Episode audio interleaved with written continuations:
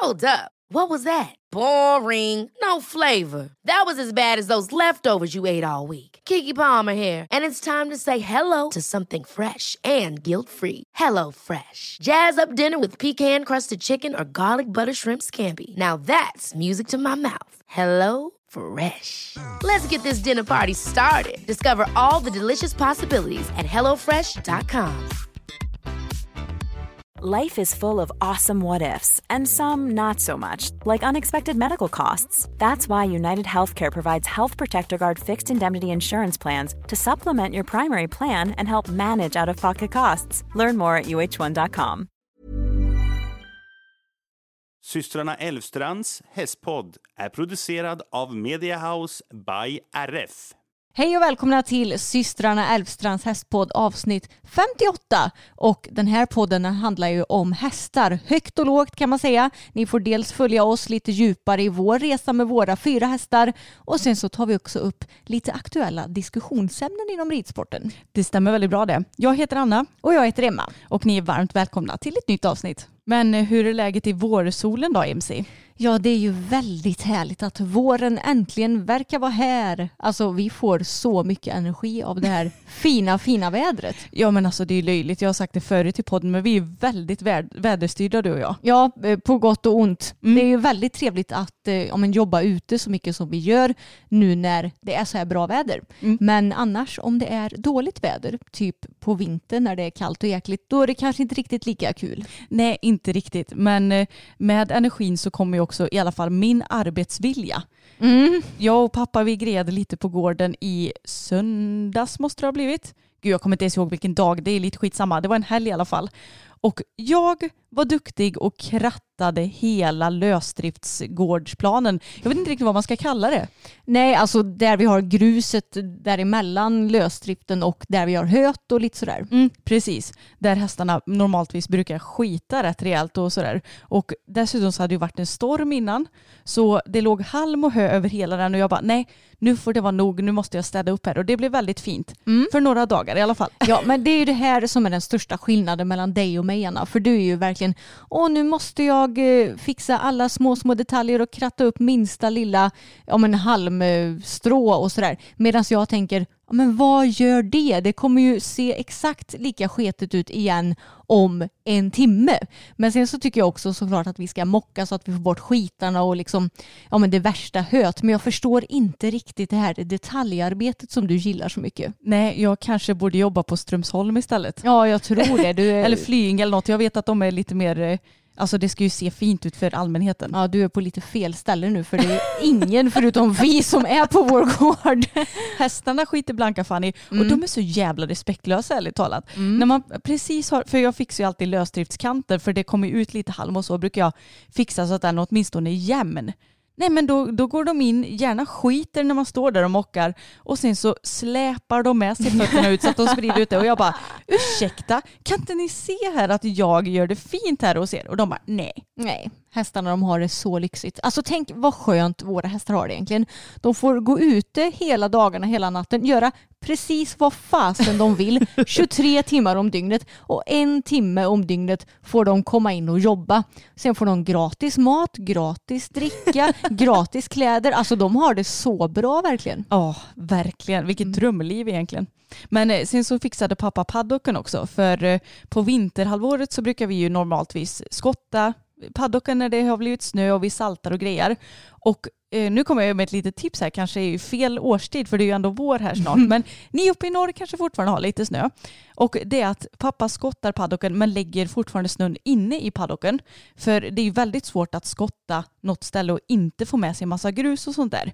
Så då när det har smält och det har blivit vår så sprider vi liksom ut allt grus igen, jämnar till paddocken, harvar, jämnar till, sladdar och så är det klart sen. Mm, och nu är den väldigt, väldigt fin att rida i. Ja, verkligen. Så att det gjorde pappa ett bra jobb med och det tackar man ju traktorn för också. Ja, verkligen. Det är skönt att ha sådana maskiner här på gården. Mm, det är tur att vi har pappa som är lite mer eh, insatt i det där med maskiner.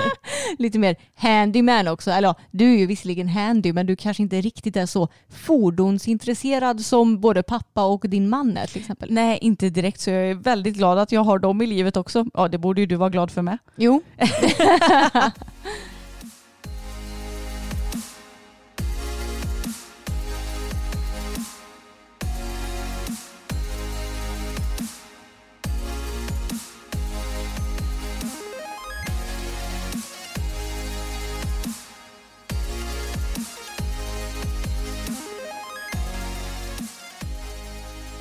Men igår så tror nog jag att jag och Fokus hade vår bästa hoppträning hittills. Ja, det såg väldigt, väldigt bra ut för er. Ja men tackar, tackar. Nej men det kändes så gött för att ni som har följt podden länge, ni vet ju att Fokus har varit en citron och sen så nu det senaste så har han nästan blivit lite, alltså jag vill inte säga att han har blivit för mycket framme på skänken för det tycker jag inte att man kan bli.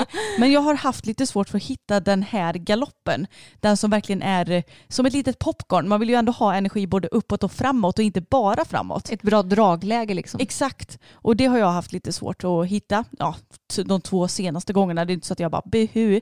Men igår så var han så fin. Han var framme för skänken men ändå inte alltså bara älgade på utan jag kunde ändå få ett gött tryck uppåt också. Och han var så superfin och det var ändå lite svårare hoppträning tyckte jag för det var mycket svängar. Ja, det var extremt mycket svängar och eh, ja, men det var många linjer och när du hade ridit mot, eh, eller över ett hinder så var det en väldigt tajt sväng till nästa och sådär. Och det blir ju klurigt och när du rider sådana lite klurigare svängar så måste hästen verkligen vara helt med dig för att det ska funka. Mm. Och enda gången jag egentligen kände att vi kanske inte var helt 100% överens det var när vi skulle hoppa ett hinder och så var det nästan ja vad var det, 90 graders vinkel nästan. Ja, typ. Ja, till ett annat hinder med sex språng emellan. Och då blev man lite så här, ah, jag trodde att jag skulle rakt fram och jag bara, nej mhm. du skulle svänga här. Han bara, okej okay då. Så att där var vi kanske inte helt samspelta. Men vi är mycket mer samspelta nu än vad vi var för ja, ett år sedan. Ja, verkligen. Och får ni någon liten, liten dipp under hoppträningen, då går ju verkligen det över med en gång och sen kan ni ju släppa det och så funkar det liksom lika bra sen igen. Mm. Och det känns så skönt för det känns som att jag själv har blivit mycket mer mentalt stark för att ja, men innan om jag har fått någon dipp på en hoppträning då har det förstört hela träningen och så har man inte kommit tillbaka igen. Nej, men jag tror att du och jag är nog lite likadana där tror jag. Att vi blir gärna lite för långsinta i ridningen mm. och har svårt för att släppa de här grejerna om det kanske inte går så bra. Vilket ju är väldigt eh, opraktiskt för jag menar det, det går ju oftast lite sämre kanske under något ridpass eller under någon träning och då måste du kunna släppa det för att gå vidare sen. Ja men verkligen.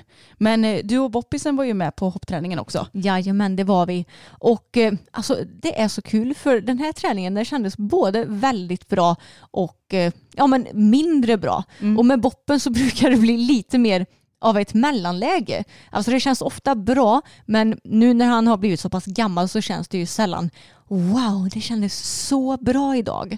Och det är ju för att nu när han har blivit så gammal, han är stor, han är lång och jag måste verkligen rida i varje steg för att dels få honom ja, framme för skänken och eh, få upp bjudningen men också hålla ihop honom så att han inte ska bli lång och hålla på och klonka i och riva.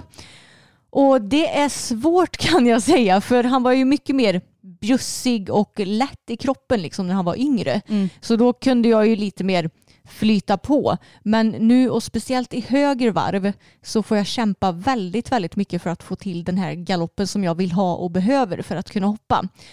Och när det var så här tajta slängar då ibland då gick inte det. Alltså det var helt omöjligt och jag blev så trött för jag orkade inte rida banan runt för att det, nej, det var så jobbigt för ja, men, hoppar jag Bella till exempel, då kan jag ju bara tänka att nu ska jag sätta en bra galopp igen från början. Och sen behöver jag inte göra så mycket mer egentligen under själva banan utan det är mest bara att stå, och, stå i stigbyglarna och hänga med på galoppsträckorna och sen förbereda lite inför hindret, hoppa hindret och sen styra mot nästa. Jag behöver inte tänka så mycket liksom. Nej. Utan hon löser mer det själv eftersom hon har en bra bjudning och hon hoppar bra av sig själv så jag behöver inte jobba upp henne för att hon ska hoppa bra eller vad man ska säga. Men med boppen får jag ju inte slappna av en enda sekund nu när jag rider och hoppar du en bana på tio hinder alltså det, det blir svinjobbigt även om jag tränar så pass mycket avsuttet som jag gör. Ja men det är ju så, det är helt otroligt vad olika hästarna är egentligen. Och det märker man ju väldigt tydligt nu, speciellt när Boppe blivit äldre. Ja. Men så har han ju krävt den här ridningen hela tiden. Ja. Men nu är det extra mycket såklart. Mm, precis, han har ju alltid varit sån att du måste verkligen hjälpa honom för att annars så blir jag lite slarvig och river. Mm. Men bara det att det krävs ännu mer ridning nu. Så man kan väl sammanfatta träningen som att jag hade det lite svårt med flytet mellan hindren men över hindren kändes han väldigt, väldigt bra. Ja men alltså han var ju så spänstig och fin. Mm, väldigt spänstig. Så ja men det var väl någonting som kändes bättre än vanligt och något som kändes lite sämre än vanligt. Ibland så är det så. Ja. Och eh, samma dag som vi hade hoppträningen så invigde jag ju faktiskt min nya barbackapadd.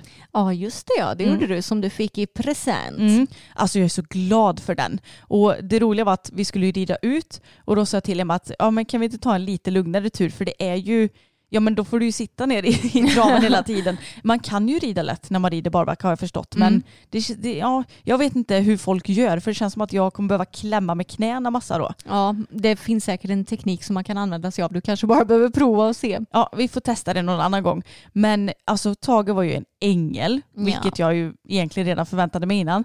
Men det var så mysigt. Mm. Men det var samtidigt inte helt enkelt för att Bella är ju rätt så pigg ute i skogen. Ja, och i synnerhet kanske när hon får gå först, vilket hon ju gjorde den här gången.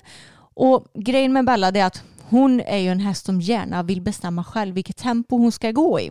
Och ute i skogen då är hon Dunderbella och då vill hon gärna springa på ordentligt. Så när man travar vill hon gärna trava på med stora steg och verkligen dundra på framåt för det är kul att vara ute i skogen och springa. Mm.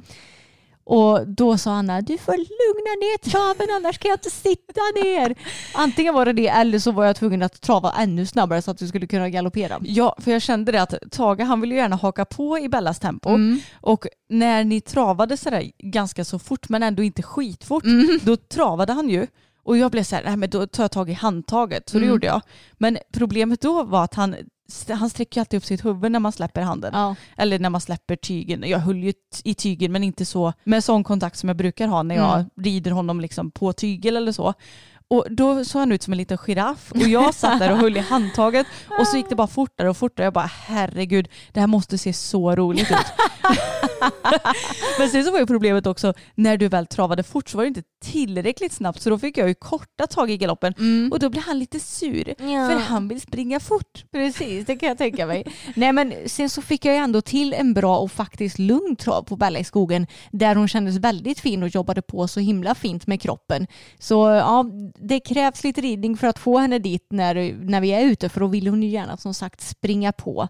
Så tyckte du att jag fick till lite lagom trav ibland eller? Ja den fick du. Då kunde jag sitta och inte hålla i handtaget.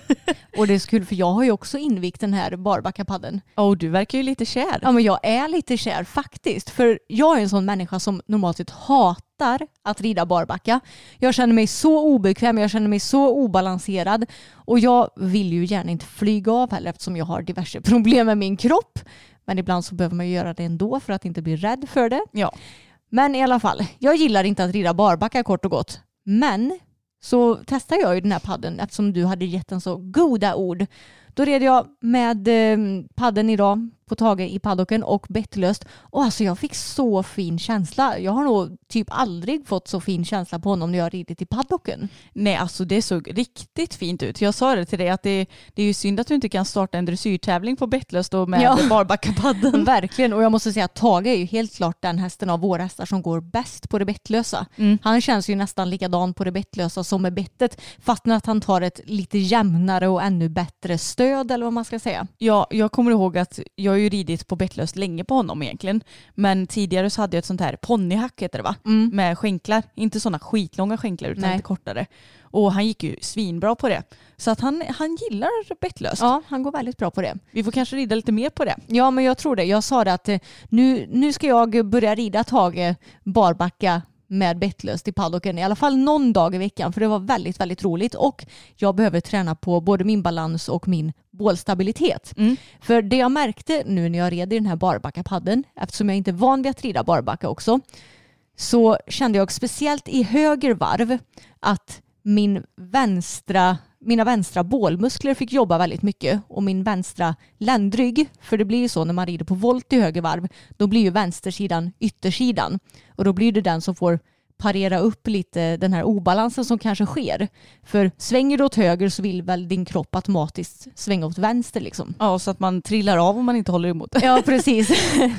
Och eh, grejen med mig det är att jag har ju diskbrock på min vänstra sida i ländryggen. Så mina bålmuskler på vänster sida är ju inte som de en gång har varit så att säga. Och jag försöker ju verkligen att träna upp dem nu. Men jag har insett att det är nog asbra för mig att rida barbacka för då kommer jag verkligen åt dem. Ja men det är ju det och det är bra och avslöjande och man får andra muskler som man kanske inte tänkte att man hade som man har när man Mm. rider i vanlig sadel. Och alltså jag måste säga att det att för er som kanske vill rida lite mer barbacka och som känner att ni har lite obalans när ni sitter på en häst helt utan någonting på så är ju barbackapadd skitbra. Alltså jag fattar inte varför jag inte har fattat sånt här tidigare. Men har du ens haft speciellt bra koll på att det har funnits eh, sån här då? Nej det har jag väl inte men Mm. jag känner bara, har jag levt under en sten eller? Det Ja. finns ju hur många alternativ som helst Mm. och jag vet att när vi la upp vår video där vi testade en barbackapadd Mm. då var ju det en annan, en eh, Parelli-padd heter Ja. det.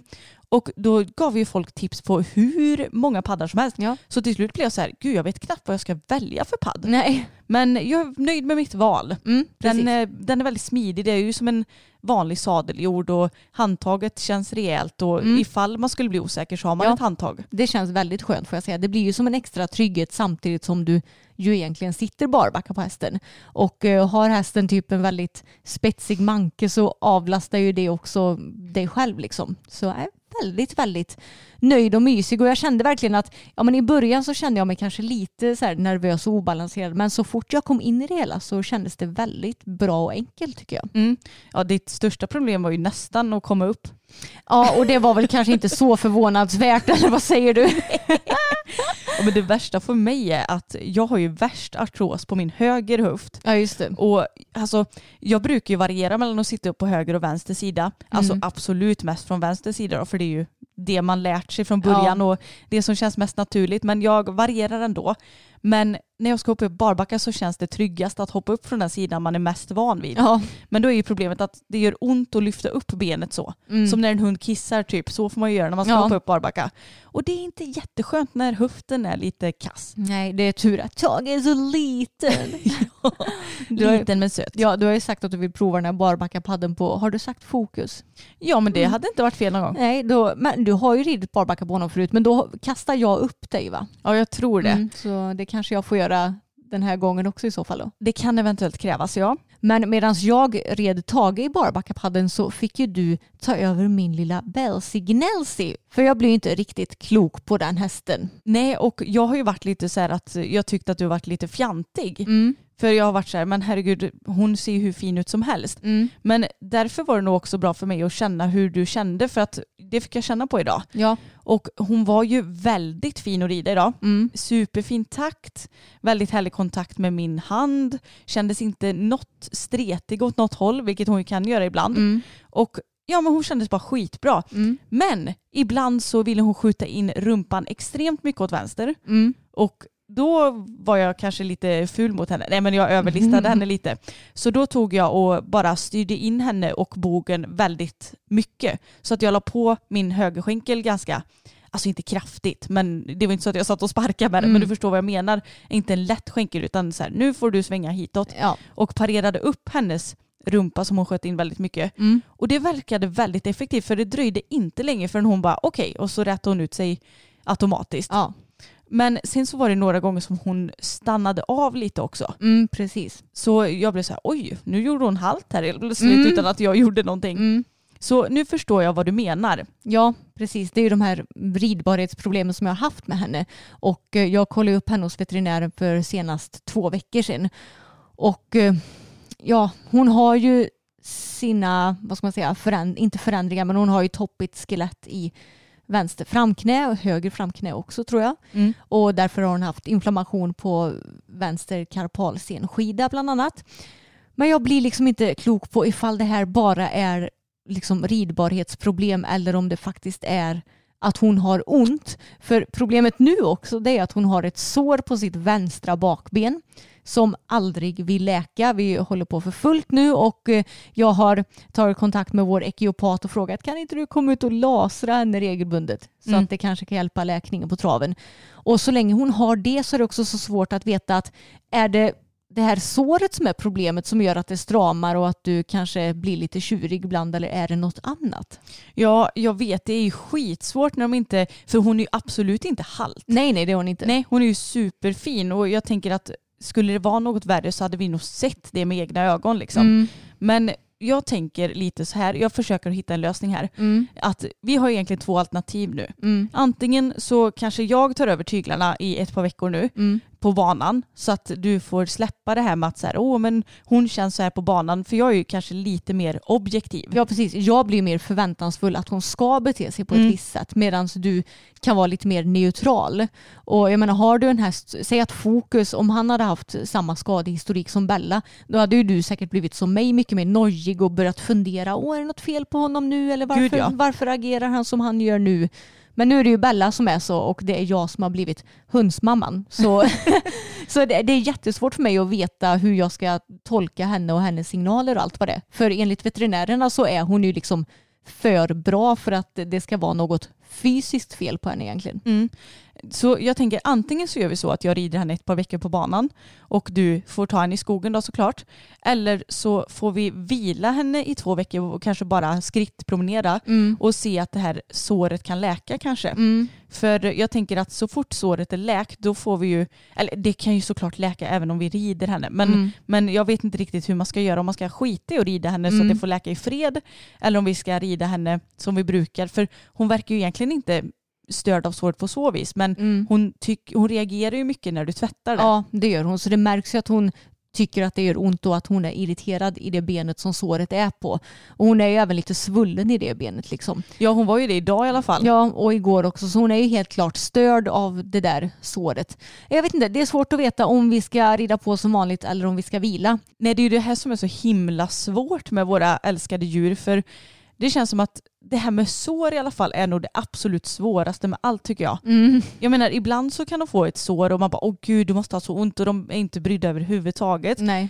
Boppen och Tage har ju fått varsitt sår där vi har varit så här, ja men det är säkert ingen fara. Så har de haft benbrott under Ja. det båda två. Mm. Helt sjukt att de Mm. fick det samtidigt för övrigt. Japp.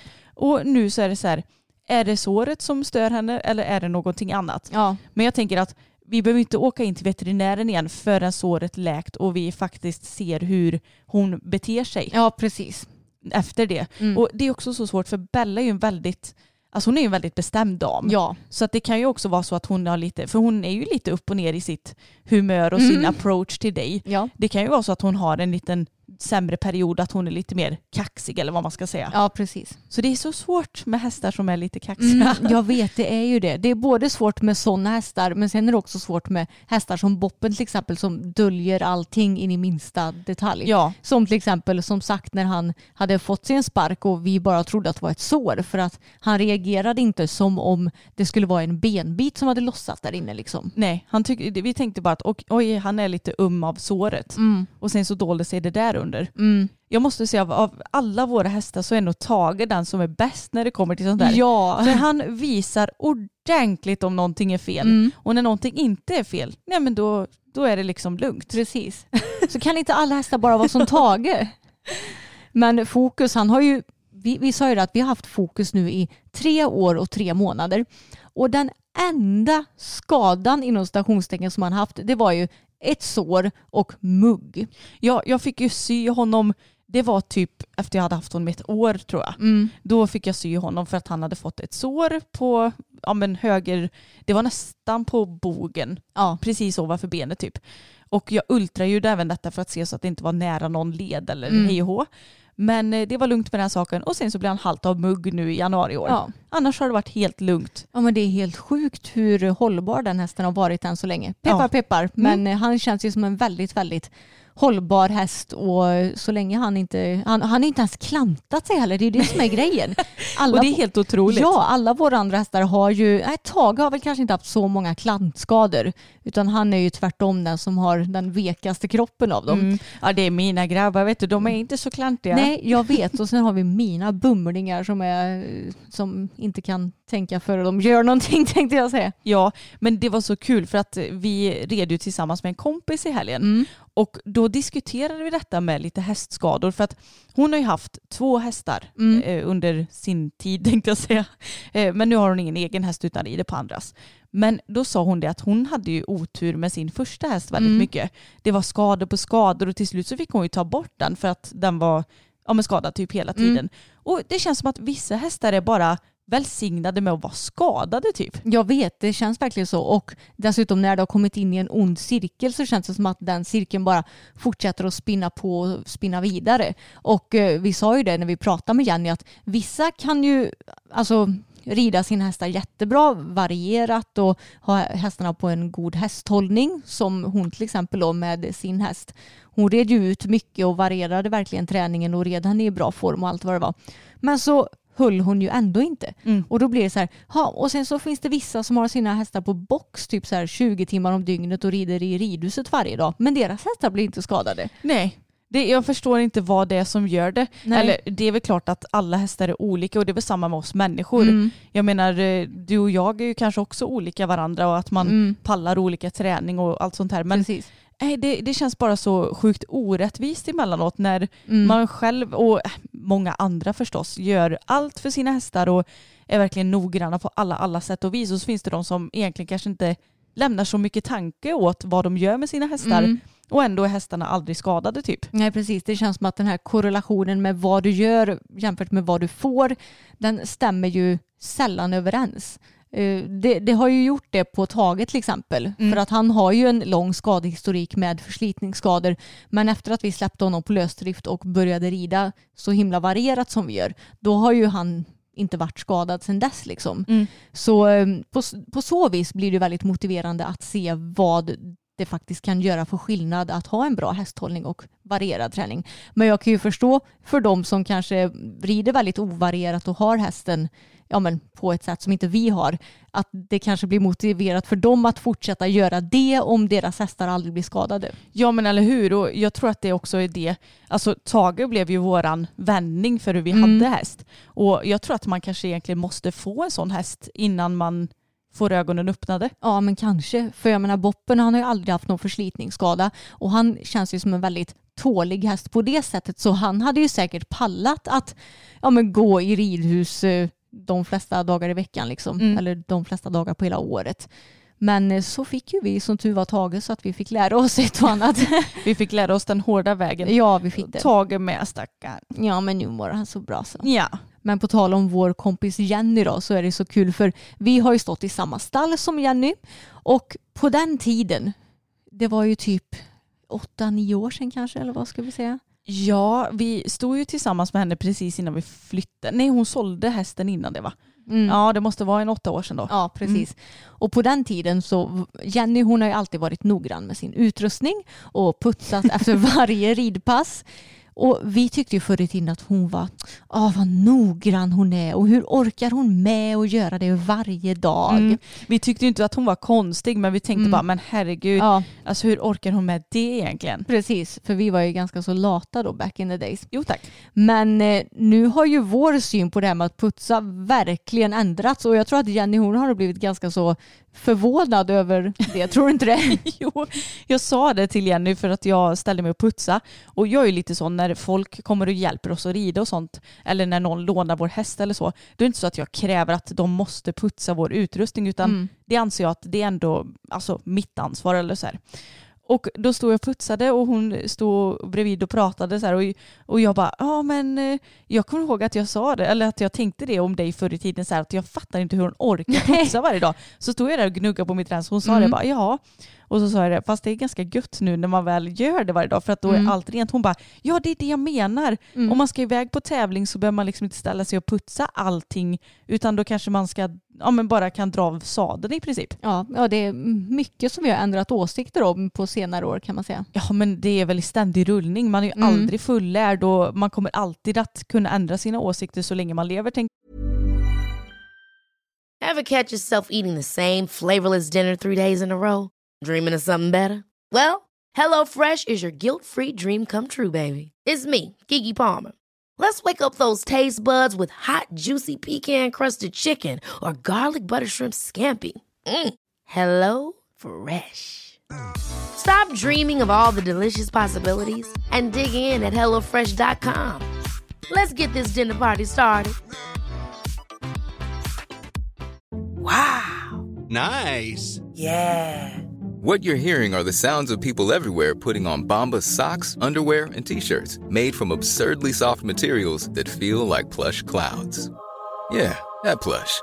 And the best part? For every item you purchase, Bombas donates another to someone facing homelessness. Bombas. Big comfort for everyone. Go to bombas.com slash ACAST and use code ACAST for 20% off your first purchase. That's bombas.com slash ACAST. Code ACAST. Ja. Vi nämnde ju förut att Bella kan vara ganska så kaxig ibland och jag tycker det är så kul för våra hästar de har verkligen så extremt olika uppsyn. Alltså vad ska man säga, hur de ser ut när man till exempel ser dem i hagen och hur de beter sig och deras ansiktsuttryck och kroppsspråk, eller hur? Ja, verkligen. Alltså, det är så kul när man tittar ut i hagen och så ser man fokus och det ser ut som att man kommer med en påse godis varje gång för han har så här mjuka ögon och bara ser så här himla glad och söt ut. Ja, han ser ju nästan aldrig arg ut. Nej, aldrig. Han är så härlig. Och sen har vi Bella och jag brukar säga det att jag har aldrig varit med om en häst som kan se så fruktansvärt glad ut. Alltså ser du henne många gånger så ser hon ut som världens lyckligaste häst. En riktig, riktig solstråle som bara åh hej, jag är så himla glad över att få se dig igen. Mm.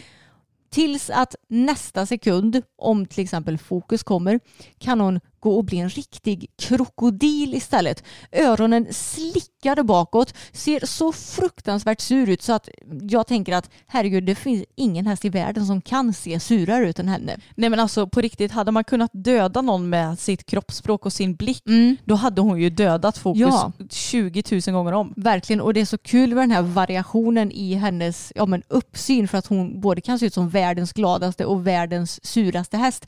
Och sen har hon ju egentligen sällan något mellanting. Nej. Det, det är ju typ när hon vilar kanske och är lite avslappnad och chill. Mm. Men nästan alltid när man tittar på henne så är hon antingen superduper superglad eller superduper supersur.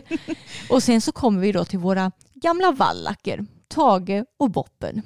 Ja, de ser ju neutrala ut nästan hela tiden. Ja men faktiskt, det är så konstigt hur de kan vara så olika. Eller nej det är väl inte så konstigt, de är ju helt olika individer. Ja. Men de står ju oftast och bara så här, ja men öronen varken framåt eller bakåt Mm. egentligen. Ganska så neutrala ögon, varken Mm. så här eh, öppna eller stängda Nej. utan så här något mitt emellan Mm. och, och gärna ganska sänkta huvuden. Mm. Och, ja, det är härligt att se för jag tror att det, det bara innebär att de är så här, de är ganska nöjda med sig själva ändå. Ja precis, och de är ju verkligen sig själva också våra Ja. hästar och det är så härligt att alla är så olika.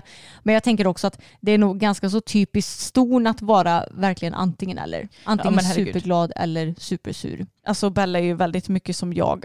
Ja, hon är väldigt mycket mer ojämn i humöret än vad våra grabbar är också. Ja, okej nu skulle jag inte säga att jag är super ojämn i mitt humör längre men jag har ju verkligen varit som Bella. Jo, det har du varit. Du har faktiskt blivit mycket bättre med åren och det är ju tacksamt när en annan jobbar med det varje dag. Ja, när vi ändå är inne och pratar lite om mitt humör så tycker jag att det kanske vi kan ta upp lite ett ämne som vi har pratat lite om du och jag i veckan Emma. Och det är det här med att, eh, ja men du såg ju en video med Mauri, Mm. mustiga Mauri på YouTube vilket för övrigt är, ja men jag skulle säga vår absoluta favorit-youtuber. Ja, alltså jag tycker att det är helt klart det. Sveriges bästa YouTube-kanal. Han gör så roliga och intressanta videos. Och eh, den senaste videon så besökte han både munkar och nunnor och levde tillsammans med dem under en dag. Och jag tyckte det var så intressant för när han var hos munkarna så frågade han munken vad meningen med livet är. Och då sa munken att leva i nuet. Ja, och det är någonting som jag tror att vi alla människor, eller nej inte vi alla, men du och jag är i alla fall väldigt dåliga på att göra just det. Ja, precis. Och det blir väl också lite så i och med vårt jobb, för det är alltid väldigt mycket planering framåt.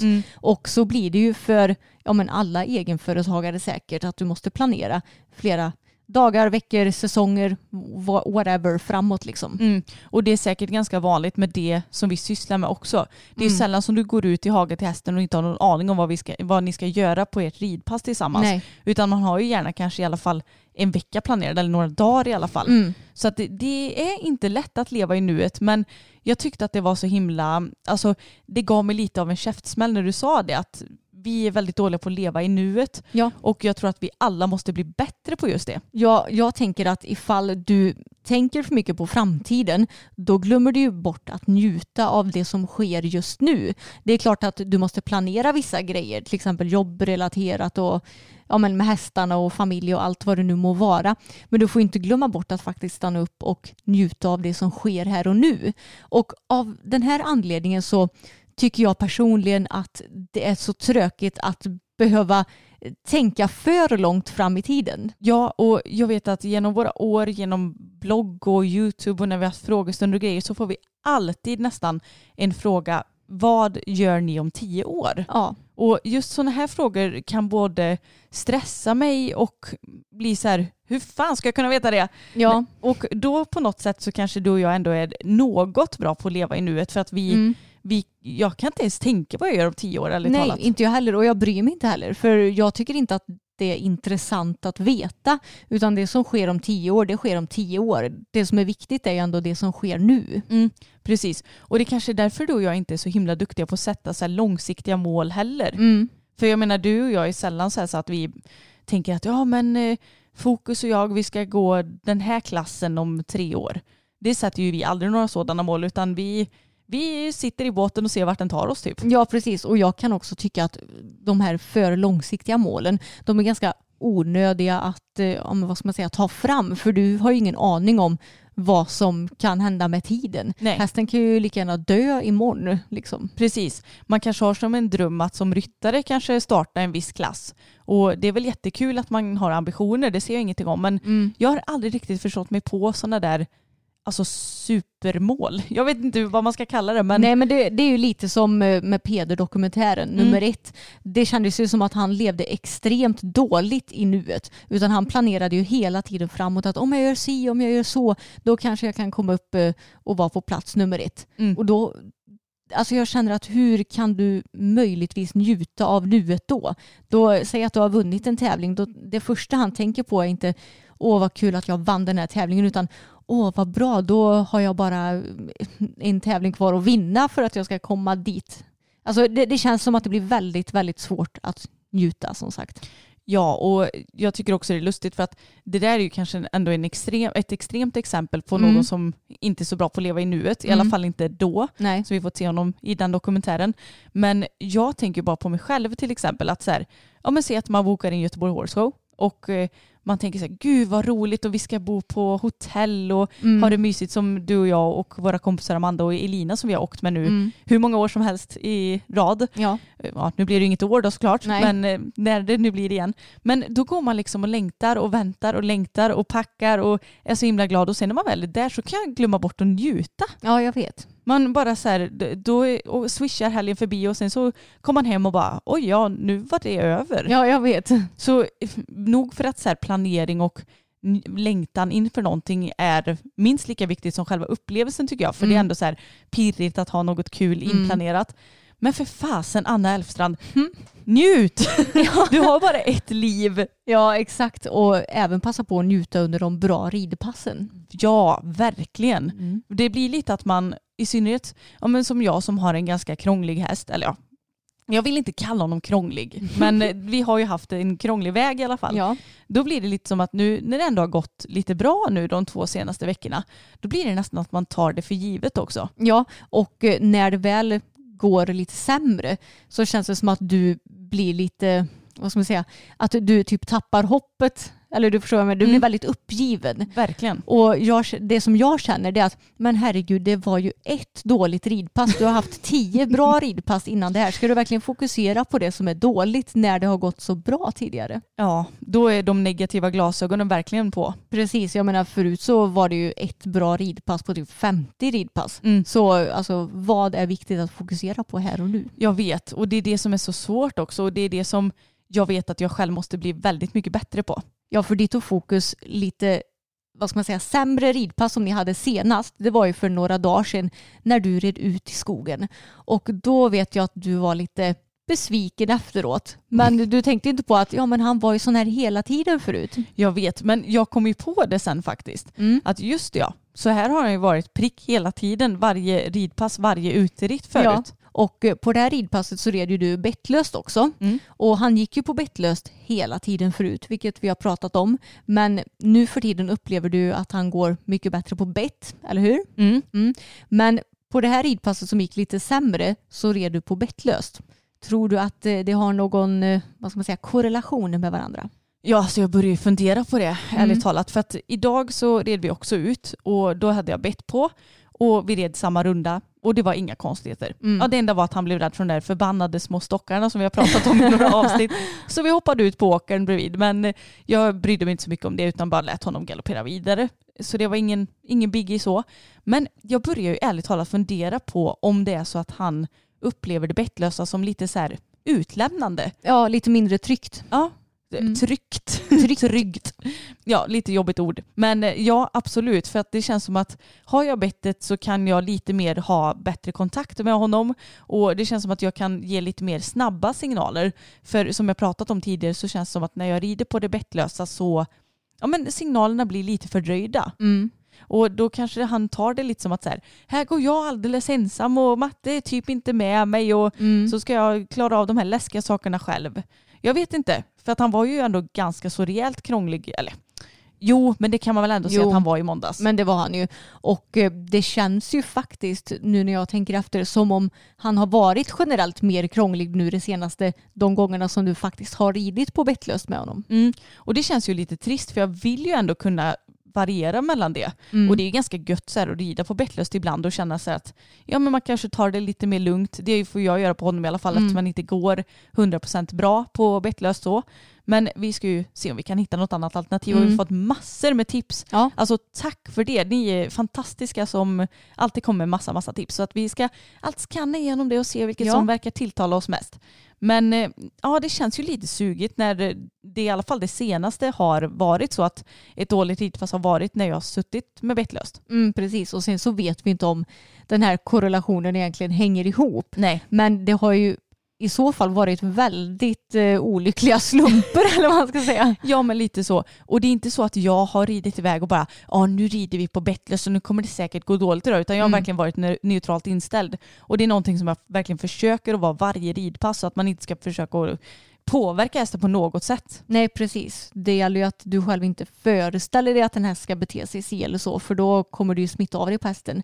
Men jag tycker att du har gjort det bra på fokus senaste. Tack snälla. Det, det är inte lätt och framförallt inte när man är en väldigt känsloperson för då går mycket ut över, alltså det blir ju mycket så här att man tror och tänker och blir så himla glad om det går bra och superledsen om det går dåligt. Men jag försöker att tackla mina känslor. En sak som jag är så himla glad över just nu det är att det känns som att Boppen har varit så himla lugn i skallen det senaste. Ja, det märks verkligen och det, Mm. det har synts på hela honom att han har coolat ner lite där uppe. Ja, för han är ju en häst som normalt sett är väldigt nervig, vilket jag inte tror att utomstående tror, till exempel som tittar på YouTube-videos, för han är ju vad ska man säga, han är lugn att rida och han ser ju väldigt lugn ut men det kan vara väldigt, väldigt mycket som pågår uppe i hans hjärna och han kan bli väldigt spänd och blockerad och till exempel när man rider ut kan han hoppa till och bli rädd för precis allting och i paddocken kan han vägra gå till ja, men den nedre delen av paddocken för att han är så rädd för den och så vidare. Så vi har det ganska kämpigt ibland med honom också eftersom han är så nervig. Men den senaste tiden, jag skulle typ säga den senaste månaden nästan, för det har hängt i en bra period nu, Mm. så har han varit så himla lugn och avspänd nästan varje ridpass, både i paddocken och i skogen. Ja, och det är så fantastiskt att se och jag tror att det måste ju delvis bero på att han inte har ont i munnen längre. Mm. För det är ju faktiskt ett tecken på att en häst kan vara lite nervig och så Ja. är ju att den kan ha ont. Mm. Men sen har ju Boppen alltid varit mer eller mindre nervig Mm. så att då tog det lite tid innan vi fattade att han, att han hade det här med tänderna. Mm. Men eh, ja, så det är ju helt klart ett varningstecken så folk borde vara lite mer ja, men aktsamma för eller så. Ja, precis. Om hästen blir mer nervig än vad den normalt Ja. sett är. Precis. Men det är så himla kul att se. Han Ja. ser så avspänd ut och jobbar otroligt fint med dig på ryggen. Ja, och det är så kul för paddocken har ju alltid varit vår akilleshäl att rida i den nedre delen av paddocken för det har nästan aldrig gått och jag har liksom Ja, det har varit så frustrerande att han blir spänd så fort man är på väg ditåt. Men nu det senaste, alltså han har gått där utan problem varje ridpass. Och det är så jäkla skönt att kunna utnyttja hela paddocken. Att kunna känna att, ja men dels att jag får till en god cirkel. För nu när han har gått så bra där så länge, då tänker jag ju inte längre att den nedre delen av paddocken är läskig. Och då kommer det ju fortfarande, eller ännu mer in i den här goda cirkeln. Mm. Det är just det som är det svåra, att man ska försöka att själv släppa de där grejerna att paddocken är läskig. För jag menar då smittar man ju av sig på hästen också. Men har du ändrat någonting i din ridning det senaste eller tror du bara att det är en lycklig slump att han har blivit lite mindre nervig? Alltså jag tror att jag har börjat rida på honom lite mer framåt. Mm. Och eh, ja, men speciellt då när vi rider i paddocken så har jag blivit väldigt no- noggrann med att verkligen gasa på ordentligt när jag har skrittat fram. Eller efter att jag har skrittat fram. Så i traven får han trava på med stora steg så han får komma igång med sin stora kropp. Och det känns som att det gör honom mer avspänd samtidigt som man kanske inte riktigt hinner tänka på åh är det läskigt, åh är det läskigt. Eller hur? Och jag tror faktiskt, eller jag är ganska övertygad om att det är så att drivning överlag i ridning är Mm. väldigt bra. Men det är verkligen nyckeln till att få bort den här spändheten hos hästen. Ja. Och jag kände lite detsamma för vi red ju fram till hoppträningen ute i paddocken på ridskolan Mm. för att ändå kunna ha lite mer plats på oss och sådär. Och då började det skymma så då hade vi igång de här lamporna som man kan tända. Vilket är ju kanon, det är ju nästan som dagsljus ändå. Liksom. Men det var ju första gången vi gjorde det med fokus och då blev jag först lite så här, åh nu får vi se hur det här går. Och sen så bara, nej bort med de dumma tankarna. Anna." Ja. Och då var det ju bara att sitta upp och rida på framåt och han gick hur fint som helst ute i paddocken. Mm. Så jag tror verkligen att drivning är något som vi kan ta med oss på alla hästar. Mm. Sen är det klart att alltså, superheta hästar, jag vet inte riktigt hur man gör med dem om de är nerviga, Mm. men jag tror att det ändå kan handla om att de kanske inte är ärligt framme på skänken då också. Ja, jag kan också tänka mig att det kan vara så faktiskt. Men eh, jag är så glad för att Boppen har gått så himla fint det senaste också. Mm. Och det tror jag också har att göra med att jag har börjat kanske rida honom ännu mer framåt nu. Grejen är att jag har ju alltid ridit honom framåt för att jag vet att det behövs. Men nu har jag verkligen börjat alltså, trava honom så att han får gå i riktigt stora steg i början och komma igång bra med ryggen och sådär. Och det känns som att det har gett resultat för han jobbar på så bra och han är så rolig i dressyren nu. Och det är så kul att han fortfarande kan vara så bra att rida trots att han är 24 år liksom. Ja, han börjar bli gammal men det märks inte när ni rider dressyr och hoppar Nej. och grejer tycker inte jag. Han är väldigt, väldigt rolig. Mm, men något som jag också tycker är lite roligt det är ju det här att när vi köpte Fokus så efterlyste vi lite smeknamn till honom. Ja, just det. Ja, du minns det va? Ja. Mm. För det är nämligen så att både, ja då hade vi ju bara Boppen och Tage, bara inom citationstecken. Mm. Och Boppen heter ju egentligen Hail Bop Mm. och Tage heter Katago. Och när vi köpte dem så hette de ju egentligen, ja men de hade de här smeknamnen Boppen Mm. och Tage och det känns ju så himla naturligt. Och den som kom på Tage som smeknamn, Ja. den är ju briljant. ja, verkligen. Det måste ju ha varit hans förra ägare som importerade honom från Danmark tänker jag. Ja, jag tror nog det. För Tage är väl inget danskt namn va? Tage. Tage. Ja, Tage Andersen. Det låter väl som en dans. Tage Andersen. jag har ingen aning. jag vet inte heller. Men den som kom på det var i alla fall briljant för det är ju så gulligt och passar så bra på en häst som Tage också. Ja, det är klockrent. Men när vi köpte Fokus så var jag så här, nej men jag måste ju såklart ha ett smeknamn. Ja. Han kan ju inte heta Fokus. Nej. Så jag vet att det, vi fick väldigt många förslag och jag vet att du och jag försökte pränta in, Mm. undrar om det inte var Fockan. Mm. Men så här i efterhand bara, ursäkta men vad är det för dåligt smeknamn? Ja för det är ju så mycket lättare att säga Fockan än Fokus. Ja nej inte alls. Nej. Och nu har det verkligen blivit så att han har egentligen inget större smeknamn. Vi Nej. kallar honom för Fokus. Mm. Enda gången är om man säger så här, ah, där är Tuk eller där är Snook. Ja. Men det är ju det enda. Ja. Och det är inte så att vi kallar honom. Det är inte Nej. så att jag bara, kan du gå och hämta Tuk? Nej precis. Utan då säger jag ju Fokus. Ja precis. Fuki, Tuki, Snooki. Det är ju lite sånt också. Men det är ingenting som vi kallar honom för Nej. på daglig basis. Liksom. Precis. Och Bella heter ju också Bella när vi köpte Mm. henne. Så det har liksom varit naturligt med dem men inte naturligt med Fokus. Nej, och det är den första hästen som vi har haft som inte har haft något smeknamn. Ja, för våran eh, unghäst som vi fick ta bort också, Mm. han heter ju Bögens Mindes Ami. Mm. Och eh, honom var ju också så här, vad sjutton ska vi kalla Ja. honom? För att det var så här, Ami var lite jobbigt att säga Ja, tycker jag. Ami, det, blir, det ligger inte så lika bra i munnen. Nej, liksom. men det, det, var inte, det kändes inte så naturligt att säga. Mm. Så då vet jag att vi frågade efter smeknamn på YouTube och då var det någon som skrev Abbe. Mm. Och jag bara Abbe, Abbe han är är ju en Abbe. Ja, han ser verkligen ut som en Abbe. Mm. Så att då, det blev klockrent. Ibland Mm. behöver man fråga folk om Ja. smeknamn. Och eh, vår första häst hette ju Bohun men kallades för Bosse. Ja. Och det var ju också väldigt naturligt. Så jag tror, jag tror det här med smeknamn, du kan ju få tips av andra som när vi döpte Abbe till Abbe till exempel. Mm. Men många gånger så kanske det också behöver växa fram och att du ser att ja men den här hästen, han är en Abbe till exempel. Mm. Det är väldigt intressant det här med smeknamn. Det känns ju som att de flesta hästar kallas något annat än deras, eh, vad ska man säga, bokförda namn. Ja, verkligen. Och det vet jag också på ridskolan som finns nu. Då var jag så här, ja men jag var helt övertygad om att, eh, om att Ove som stod på ridskolan hette Ove. Mm. Men så hette han, vad sjutton hette han nu då? B- boll, boll Overture. Ja just det ja. Och jag bara va? Är det Ove? han heter ju Ove. Ja. Ja, det, det är kul med eh, hästnamn och smeknamn och många hästar har ju också väldigt krångliga namn till exempel. Mm. Fokus han är holländsk så han hade lika gärna, gärna kunnat heta van de bla bla bla bla. Precis som många andra holländare Mm. heter. Ja men det var allt för detta avsnittet. Väldigt mycket snack om våra egna hästar idag. Ja, för en gångs skull tänkte jag säga. Det känns som att vi har snackat lite mer om andra grejer tidigare men det känns som att vi hade väldigt mycket att ta upp när det kommer till ja, men både oss själva och våra egna hästar. Så jag tyckte det blev ett härligt avsnitt att få snacka av sig på för sånt här kan ju bli lite väl mycket att ta upp på YouTube kan jag tycka. Ja verkligen. Det orkar man nog inte sitta och titta på när man bara står och tjötar om olika grejer. Nej. Så nej, men jag tycker det är roligt och vi älskar ju våra fyra hästar. Ja, det gör vi. Mm. De är världens bästa enligt oss. Mm. Och det finns många världens bästa hästar i Det vårt det. avlånga land. Och tur är väl det, för alla hästar borde känna sig som världens bästa hästar. Ja, det förtjänar de verkligen. Men tack så mycket för att ni har lyssnat på dagens avsnitt. Ni får jättegärna prenumerera på podden och ni får också jättegärna prenumerera på vår YouTube-kanal som heter Systrarna Elfstrand. Mm. Ha det så gött allihopa så hörs vi igen om en vecka. Det gör vi. Hej då! Hej då!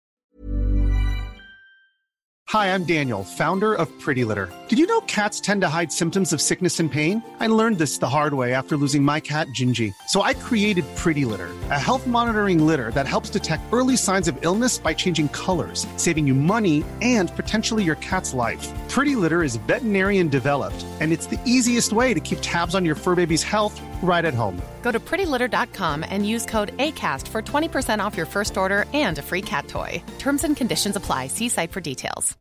Imagine the softest sheets you've ever felt. Now imagine them getting even softer over time. That's what you'll feel with Bowl and Branch's organic cotton sheets. In a recent customer survey, 96% replied that Bowl and Branch sheets get softer with every wash. Start getting your best night's sleep in these sheets that get softer and softer for years to come. Try their sheets with a 30-night guarantee. Plus, get 15% off your first order at bowlandbranch.com. Code BUTTERY. Exclusions apply. See site for details.